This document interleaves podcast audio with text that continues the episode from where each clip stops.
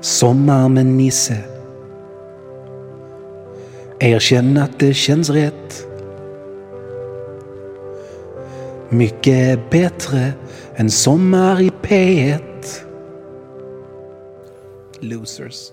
Välkomna till den tredje och sista delen av Sommar med Nisse. Specialavsnitt baserade på en föreläsning jag brukar ge och som jag spelar in för att ge mig två veckors semester så att jag hinner planera och researcha höstens avsnitt av världens bästa poplåt. Så vi slänger oss rätt in i handlingen. Vi slutade med att jag överlycklig gick från posten ut i hamnen på grund av att jag gömt mig på toaletten, inte fått någon anställning efter fullgjord praktik. Sommar med Nisse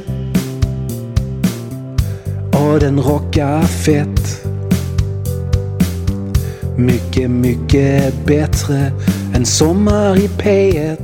Sen. Insikten. Learning and teaching hade såklart fått reda på att jag inte blivit erbjuden jobb för att jag låst in mig på toaletten istället för att, ni vet, jobba.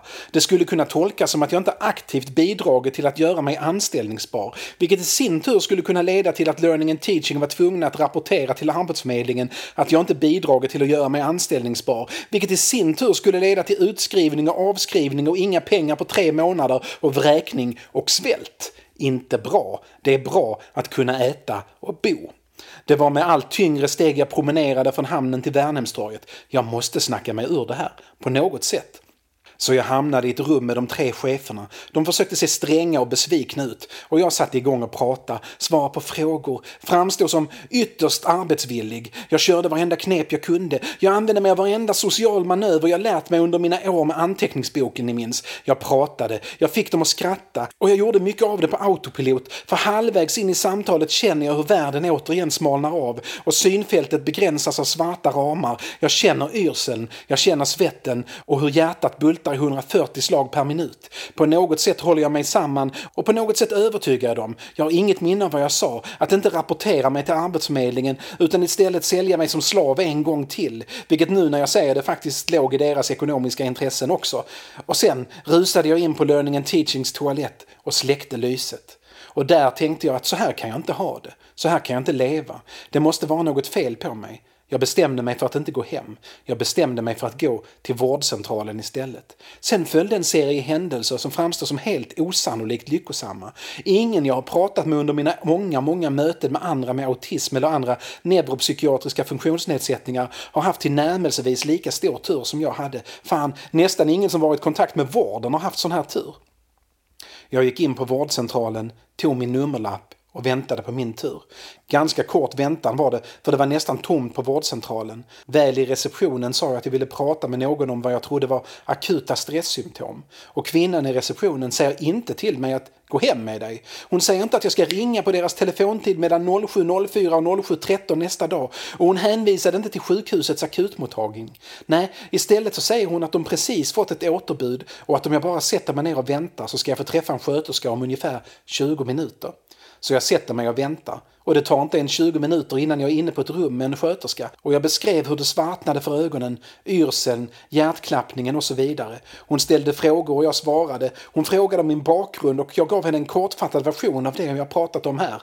Jag började liksom minnas tidigare episoder av liknande upplevelser. I skolan, på något jobb. Samma symptom och först nu kommer jag ihåg att jag haft dem innan. Det låter som att du får panikångestattacker, sa sköterskan. Allt jag visste om panikångestattacker var det jag lärt mig av Sopranos, där Tony ju får sådana allt som oftast. Men det lät ju rimligt. Det låter som att du behöver en sjukskrivning, sa sköterskan. Jag höll med. Vad som helst var bättre än learning and teaching. Jag ska gå och prata med en läkare, sa sköterskan och gick iväg. Medan hon var borta knackade det försiktigt på dörren som stått lite på glänt under hela samtalet. In tittar en annan kvinna, civilklädd, inga sköterskläder. Hon presenterar sig och säger att hon inte kunde låta bli att tjuvlyssna lite. Att hon är kurator och att hon undrar om jag kunde titta in till henne när jag var klar här. Ja, visst, sa jag. Jag hade liksom inga andra planer. Jag blir sjukskriven i två veckor och går in till kuratorn som sitter i rummet bredvid. Hon ser nyfiken och glad ut. Alltså, säger hon, jag var på konferens i Köpenhamn nu i slutet av förra veckan och en av talarna var Kristoffer Gillberg från Göteborgs universitet och han pratade om Aspergers syndrom. Mycket av det han sa stämmer så väl överens med vad du berättade. Gillberg, om ni inte vet vem det är, är en av världens främsta forskare inom området neuropsykiatriska funktionsnedsättningar. Många av de diagnoskriterier som används runt om i världen kommer från honom. Han är också känd för att eldat upp sitt råmaterial när forskarhaveristen Eva Kärve begärde ut det eftersom han inte litade på att hon skulle skydda informanternas anonymitet. Det blev han också både Uppdrag granskad för och prickad och dömd för. Så kan det gå. Men geni är han. Berätta om ditt liv och jag berättade om mitt liv. Och när jag var klar kom vi överens om att jag nog skulle behöva en neuropsykiatrisk utredning. Och så skrev vi en remiss till den psykiatriska öppenvården tillsammans. Så hamnade jag på Fosievägens psykiatriska mottagning. Den ligger i Malmö gamla strumpfabriks kontorslokaler. Strumpan var den andra stora industrin i Malmö en gång i tiden. På bottenplan finns ett litet strumpfabriksmuseum. Det gillar jag.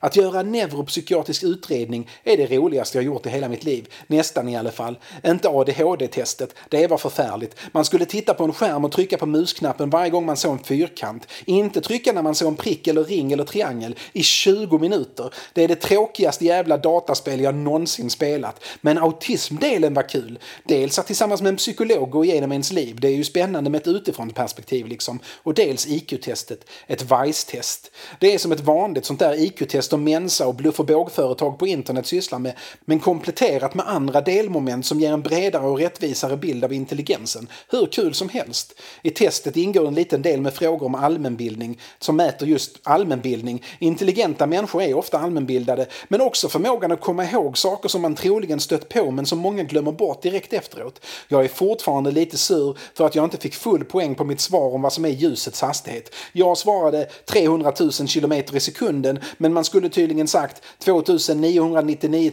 700 km i sekunden. Snålt, tycker jag.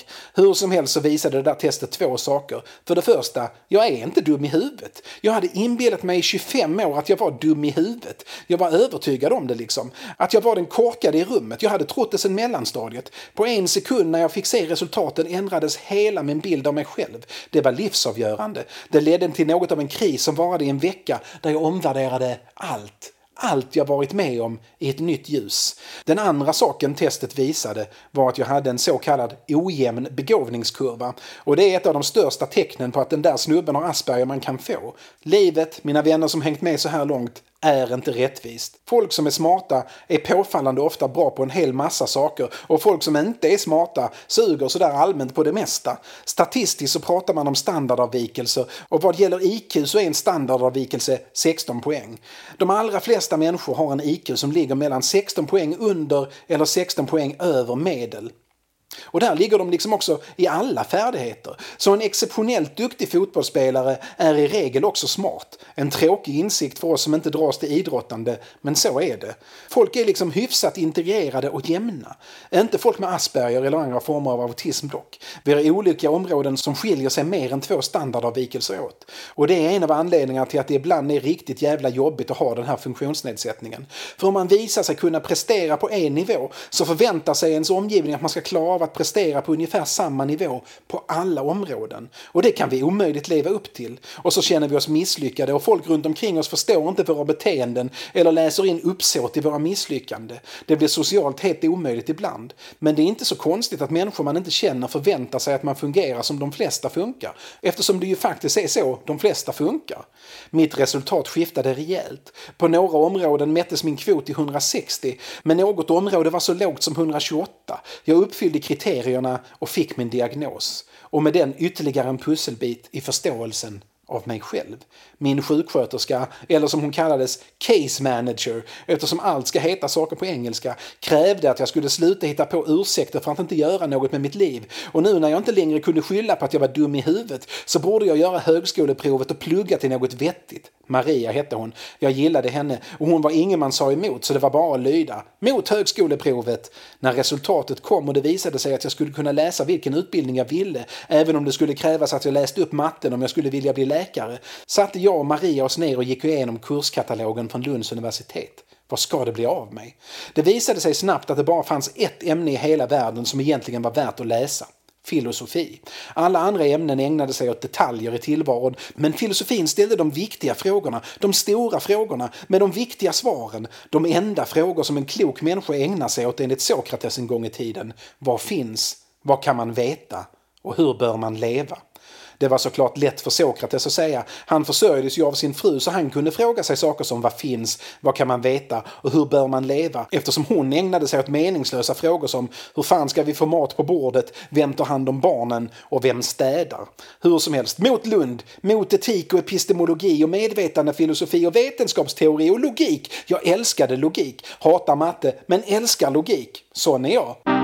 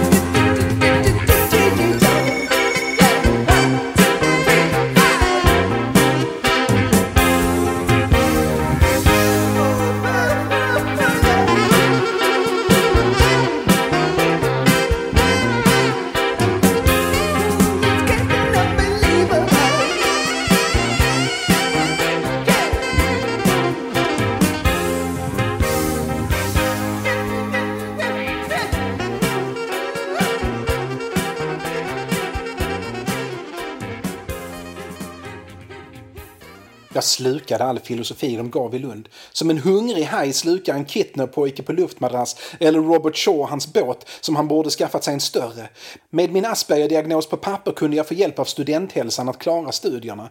Det stöd jag fick var en mentor att prata med och bolla uppgifter med eftersom jag slapp grupparbeten på grund av diagnos. Jag hatar grupparbeten.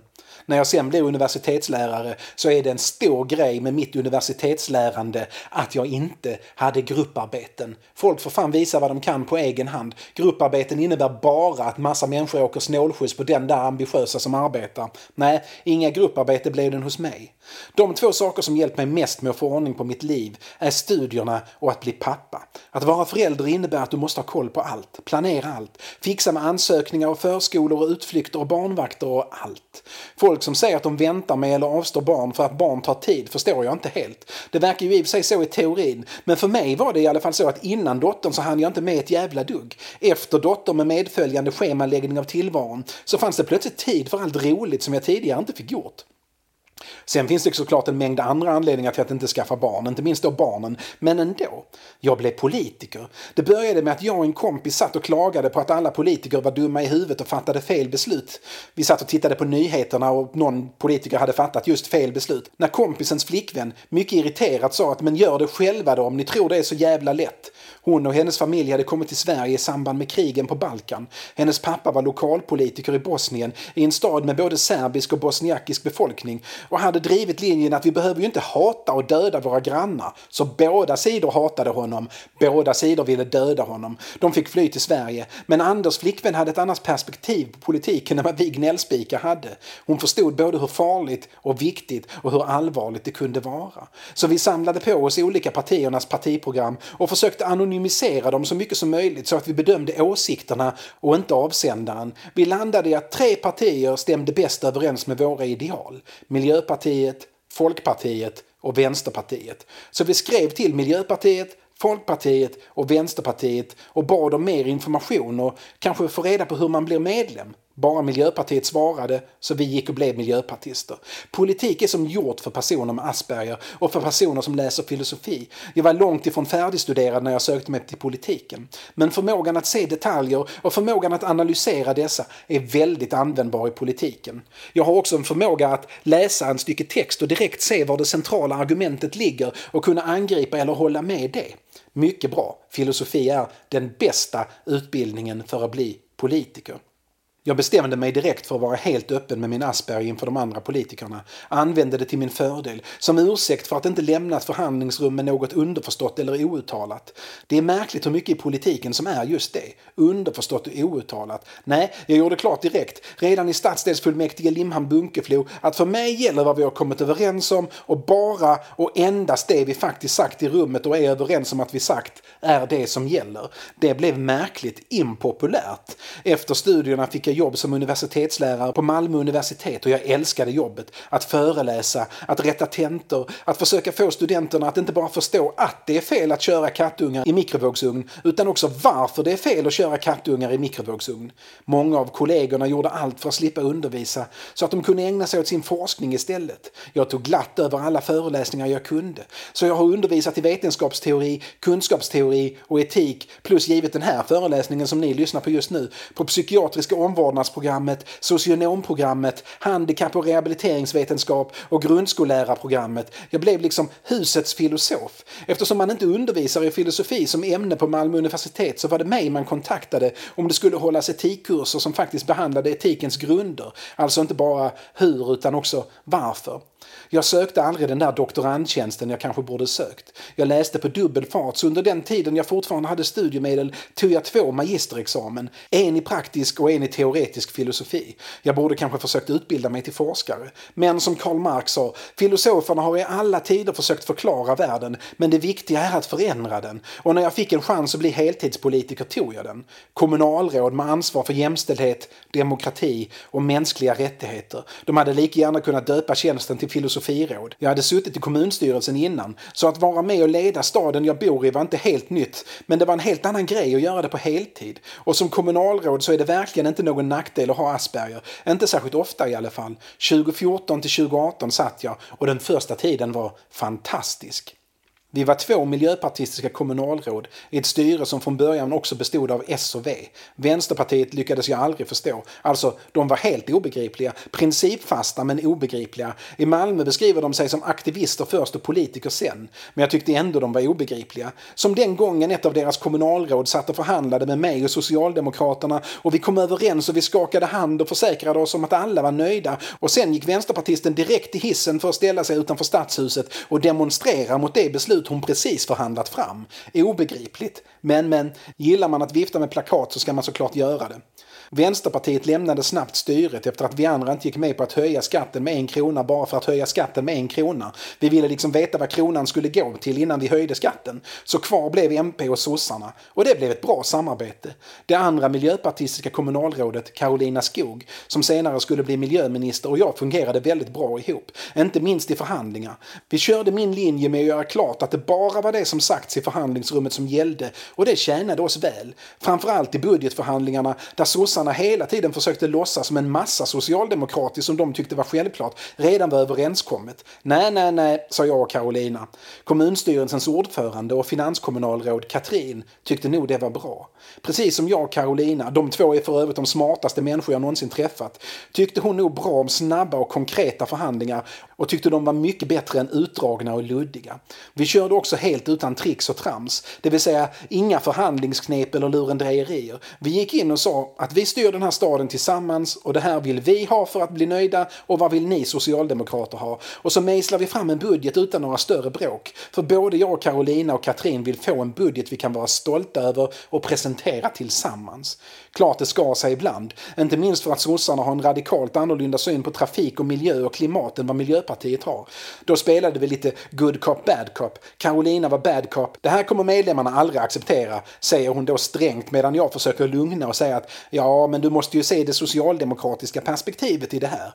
Vi brukade få som vi ville till slut. Sossarna körde det där med att medlemmarna aldrig kommer gå med på något några gånger.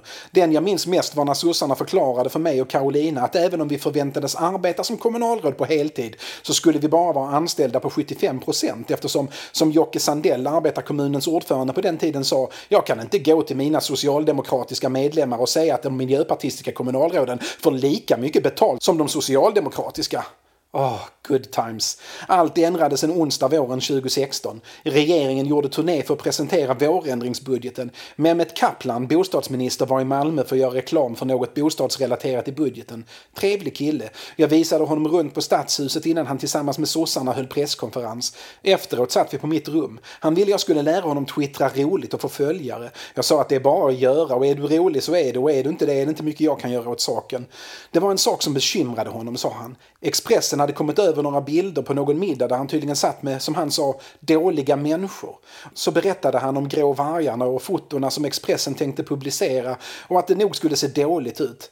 Han kände inte snubbarna på bilden och han hade varit på så många föreningsbesök att han inte direkt kunde minnas alla. Ja men, sa jag, bara lägg dig platt. Säg att det där är dåliga människor, att det såklart inte är några du vill umgås med. Ta avstånd från vad de står för så kommer det här blåsa förbi. Riktigt den linjen körde inte Kaplan. Istället skickade hans pressekreterare ett grovt förolämpande och raljerande mejl till Expressen där han och Kaplan ber tidningen fara åt helvete och de skriver att tidningen är skräp och sensationsjournalistik och att journalisten personligen är den värsta sortens skvallerkärring även om han heter Niklas.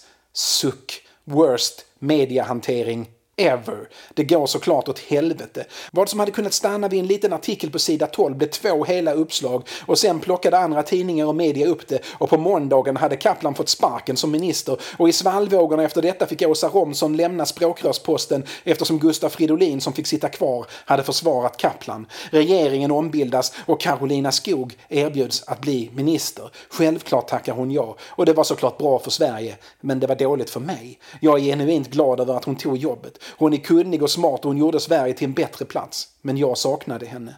Jag saknar henne fortfarande faktiskt. Hennes efterträdare i Malmö och jag gick inte alls ihop. Vi hade helt olika syn på ungefär allt utom sakpolitik. Där jag gillade att vara lite provokativ styrdes hon mest av ängslighet. Det viktigaste som fanns var att inte göra någon arg. Inga beslut fick fattas utan att vi först övervägde vad vi riskerade att förlora.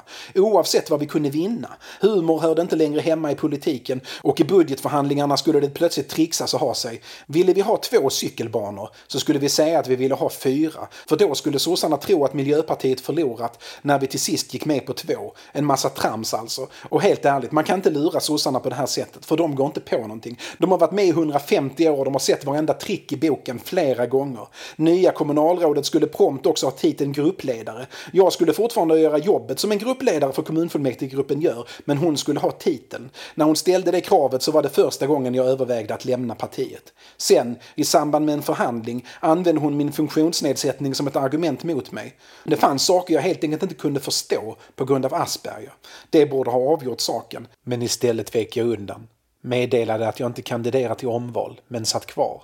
Genomled även ett krismöte som hon drog ihop efter att jag, med anledning av att två centerpartistiska nämndemän i Botkyrka använde argumentet att Kommer man från en fin familj så kan man minsann inte gjort sig skyldig till något hedersrelaterat och en jäkla fullblodsidiot till miljöpartist av någon jävla anledning uttrycker sitt stöd för de här två centerpartisterna som inte hör hemma i en svensk domstol. Jag skrev på Twitter Folk, äntligen en islamistskandal som inte handlar om Miljöpartiet. Miljöpartiet, håll min kravmärkta sojalatte och länkade till idiotens utspel om att det nog inte var så stort fel på de där centerpartistiska rövhattarna ändå. Då flippade hon. Du kommer orsaka ett drev mot oss för att du skämtar om oss på det här viset, sa hon. För in i helvete, tänkte jag och räknade veckorna tills jag kunde återgå till att vara vanlig medlem igen. Men det gick ju inte. MP förlorade stort i Malmö. Vi tappade våra kommunalrådsposter, men partiet var tillräckligt stort för att fortfarande kunna ha ett rejält inflytande över beslut och budget. Men nej, av någon jävla anledning förhandlade partiet bort möjligheten till mycket inflytande till förmån för ett jobb på Stadshuset åt det nu före detta kommunalrådet, som ju riskerade att stå utan inkomst annars eftersom politikerfallskärmen inte omfattade henne fullt ut eftersom hon blev kommunalråd mitt i en mandatperiod. Där gick min gräns. När hon sedan försvann till andra uppdrag och lämnade ett Malmö-MP med försvagad politisk makt hade jag redan beslutat mig för att inte förnya mitt medlemskap. Visst, det viktiga är att förändra världen, men ibland måste man prioritera sin egen mentala hälsa en aning också. Nu är jag i en position där jag är lycklig. Jag har ett arbete där mina förmågor kommer till sin rätt. Jag har inflytande över mitt liv och min funktionsnedsättning är mest en grej som är. Inget som jag låter styra mitt liv. En omständighet som jag inte rår över och därför inte är lönt att bekymra sig över. Sådana omständigheter har vi alla, tror jag. Och vi blir mycket gladare om vi slappnar av kring dessa omständigheter. Chillar, som min äldsta dotter skulle sagt. Nu har jag två stycken. Chilla. Nu ska jag i alla fall göra det. När vi hörs igen så är det ett vanligt avsnitt av världens bästa poplåt. I alla fall den bästa poplåten som inte är Teenage Kicks av The Undertones.